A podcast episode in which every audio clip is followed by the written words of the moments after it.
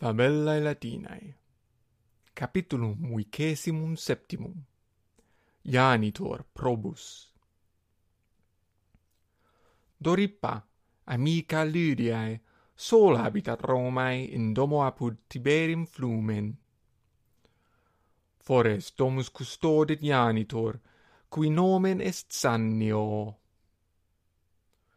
dorippa lepido amicum habebat, sed iaeum edomo sua pepulit, queum falso amicum esse arbitrator.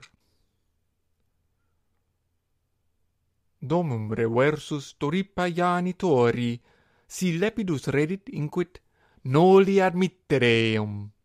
Virum illum improbum iam videre nolo. Non me, sed ancillam.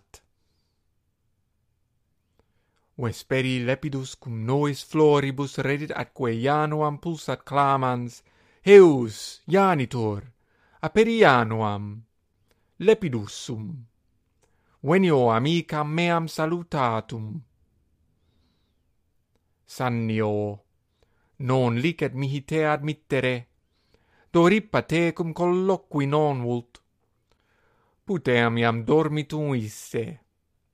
Dicit non se, sed aliam feminam a te amari.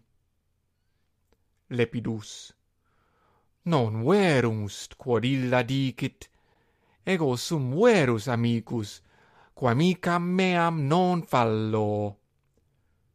Nec essem hist quea colloqui. Sannio, sed Dorippa me iube tibianuam claudere. Lepidus nono portet illi feminae severae parere, iapperi januam. Sannio, profecto dominae meae parebo, te non admitto. Lepidus denarium promit, et janitori ostendit. Ecce denarius, inquit, sianuam mihi aperis, denarium tibi do.